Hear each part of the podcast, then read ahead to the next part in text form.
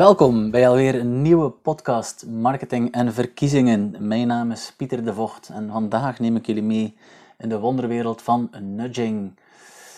Waarom hangen er soms van die nepvliegen in mannenurinoirs? Waarom nemen mensen in een bepaald gebouw sneller de trap in plaats van de lift? En ja, wat is dat allemaal precies, nudging? Wel, dat leg ik jullie vandaag allemaal uit. Vandaag behandelen we het onderwerp nudging volledig en specifiek zoomen we in op nudging als strategie om gezonde voeding te promoten. Nu, wat is nudging? In de kern is nudging eigenlijk een manier om te motiveren, om het gedrag van mensen uh, te motiveren. Want het gedrag van mensen dat is vaak onbewust en ongedwongen. Uh, een kleine interventie die kan al zorgen voor een gedragswijziging. Een nudge is dus, dus eigenlijk een klein duwtje, een duwtje in de goede richting, uh, om eigenlijk op die manier gedrag te wijzigen. Uh, een belangrijke intermezzo, er moet altijd keuzevrijheid zijn om van een goede nudge uh, sprake te zijn. Ehm, keuzevrijheid, dat betekent dat je ook nee moet kunnen zeggen. dus voor iemand gaan staan en zeggen, haha, ik heb je genudged, want nu kan je niet vooruit wandelen. Ja, nee, dat is geen nudge. Hier is geen keuzevrijheid. Bijvoorbeeld een snelheidslimiet is ook geen vorm van nudging, omdat er een straf vasthangt aan wie de limiet overtreedt, wie te snel rijdt. Maar het, een vlieg bijvoorbeeld in een mannenurinoir, dat is wel een goed voorbeeld van een nudge. Want uh, je bent als man vrij om wel of niet te plassen op de vlieg, maar je wordt genudged, een klein duwtje in de rug, om te mikken op de vlieg, waardoor er een properdere urinoir uh, overblijft nadien. Nu, uh, bekende voorbeelden en effectieve nudges zijn er in overvloed. zo worden vaak bijvoorbeeld voetstappen op een trap geschilderd of geplakt, om eigenlijk mensen op die manier te stimuleren. Kijk, ik kan ook de trap nemen in de plaats van de lift. Um, dus kortom, nudging hoeft niet altijd heel vergevorderde gedragswetenschappelijke wetenschappelijk onderzoek vooraf te gaan. Nee, het kan ook zeer toegankelijk zijn en het kan dagelijks beginnen. En vandaag zullen we het hebben over zo'n voorbeeld. Want in de voedingssector wordt al vaak gebruik gemaakt van nudges. Mensen krijgen op die manier een duwtje in de rug om gezonder te eten.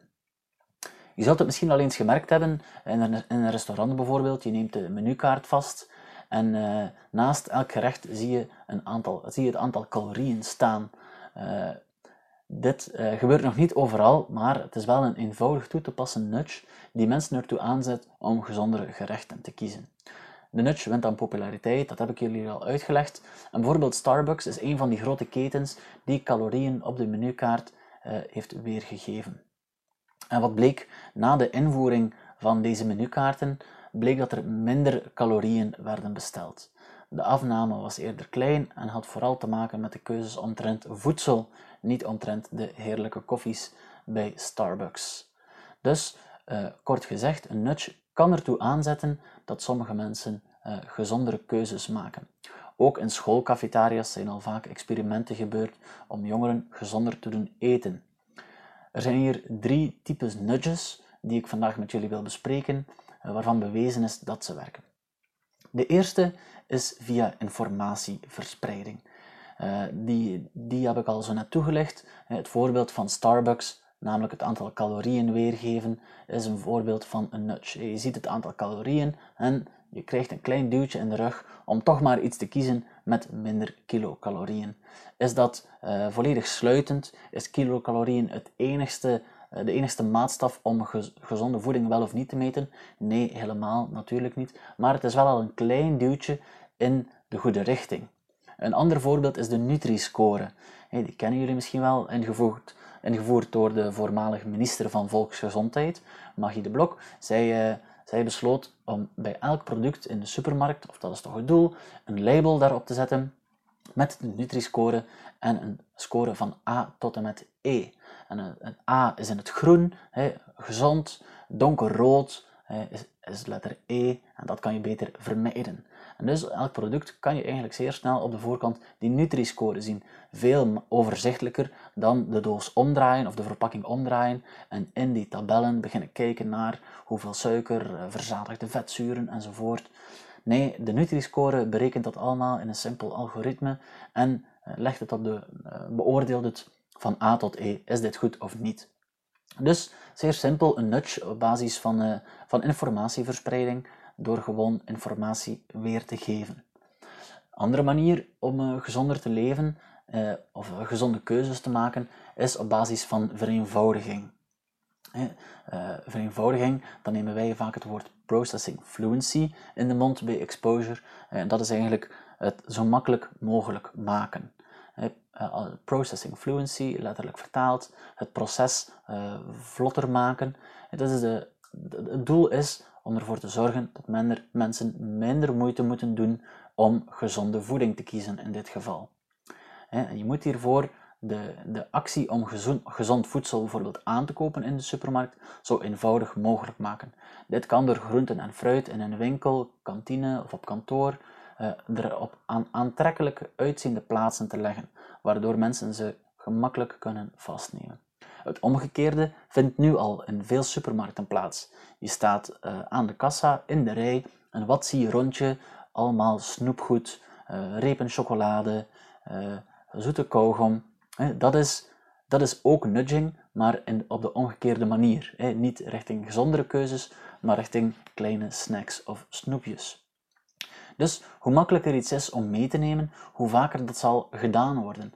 Uh, dat is waarin, waar, in veel supermarkten is de eerste rij van de supermarkt, de, de eerste gang, de, uh, de moneymaker. Dat is waar eigenlijk heel veel van de omzet vandaan komt. Ik heb nog in een grote supermarkt gewerkt en daar werd mij gezegd, in deze eerste rij draaien wij de helft van de omzet van deze winkel. In de andere vier rijen, samen opgeteld, die andere helft. Uh, en daar, daar komt het eigenlijk op neer. In de eerste rij worden de belangrijkste dingen gelegd, omdat iedereen daar passeert. Het is makkelijk, het is dichtbij, je moet niet naar de andere kant van de winkel. En dan kan je even voor jezelf nadenken, ja, als ik mijn winkel binnenloop, uh, waar liggen dan de producten? Um, en welke producten liggen daar dan als ik binnenkom? Uh, dat is uh, een goed voorbeeld van nudging en van het proces makkelijker te maken, te, te vereenvoudigen. Um, een andere manier om het bijvoorbeeld eenvoudiger te maken, is door uh, de naam te veranderen. Um, een moeilijke naam, dat blijkt het onderzoek, is niet alleen moeilijker te onthouden, maar vertrouwen we ook iets minder. Het gaat dan vaak over de namen van personen, maar ook uh, de naam van groenten kan op die manier helpen. He, zo krijgt Zelder, bijvoorbeeld zou je Zelder de meer tot verbeelding sprekende naam Zelderzwaarden kunnen geven. Of daarnaast zouden er ook kleine kaartjes met vragen kunnen staan, zoals welke groente eet jij vandaag? Dat zou jongeren bijvoorbeeld kunnen stimuleren om gezondere keuzes te maken. In je eigen huis kan je daar al zeer snel mee beginnen. Hoe maak je het eenvoudiger om gezonder te leven? Wel, zorg ervoor dat de gezonde keuzes vlak voor je neus liggen. Zet een fruitschaal eh, in je keuken. Zet een glas water op je bureau. En dan zal je vaker water drinken dan wanneer dat er niet staat en je extra moeite moet doen om een glas water te nemen of om fruit te eten. Dus nudging, zoals ik al in het begin zei, uh, is zeer toegankelijk, hoeft niet uh, grote experimenten te zijn of zeer moeilijk.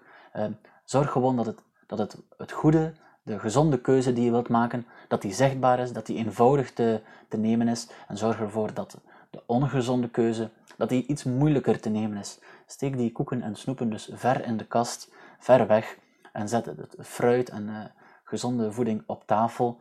Ehm, op die manier word je genudged. Als je dan door de keuken loopt op zoek naar een, een snack uh, tussendoor, wel, dan zul je het fruit onmiddellijk zien, terwijl je voor uh, ongezondere keuzes, uh, zoals koeken of snoepjes, in de kast zal moeten kijken.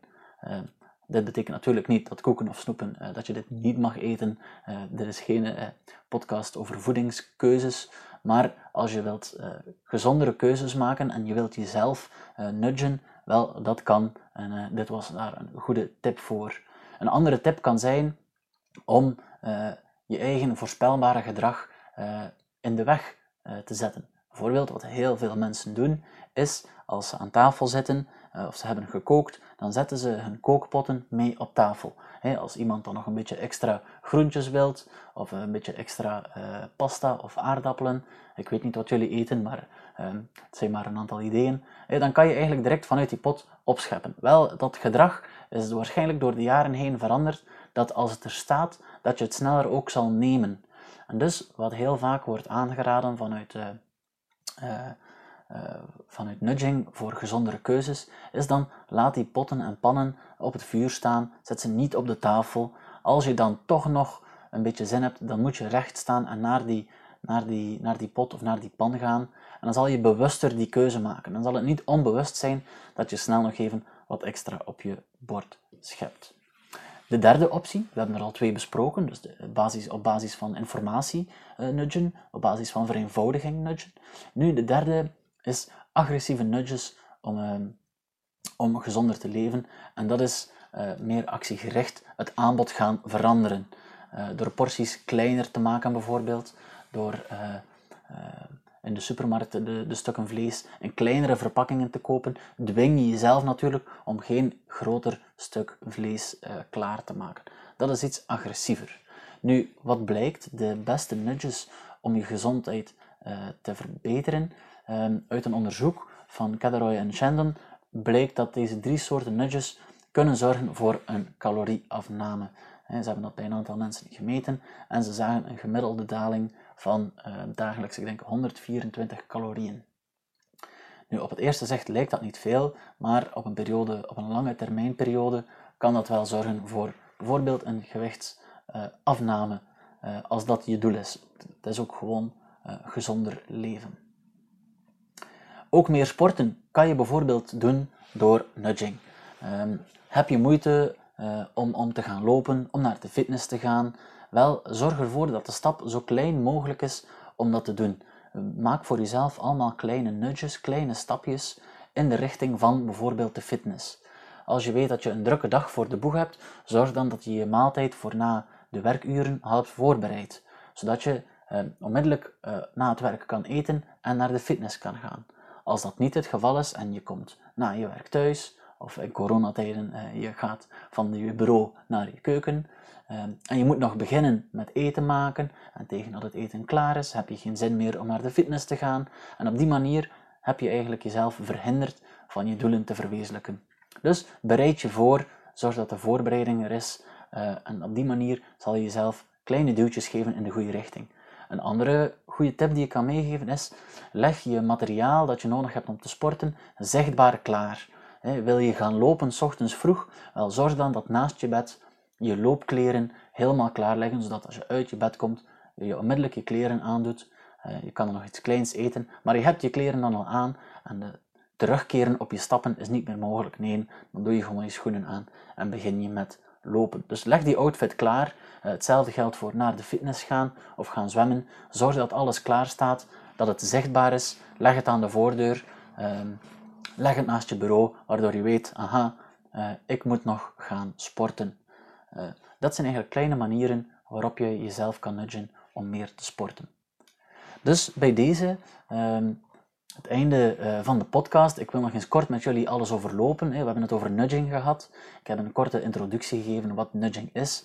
Als je natuurlijk meer informatie wilt, kan je die vinden op onze website. Daar hebben we een zeer uitgebreide uh, blogs over uh, nudging, voorbeelden van nudging, hoe je zelf in de praktijk nudging kan gebruiken.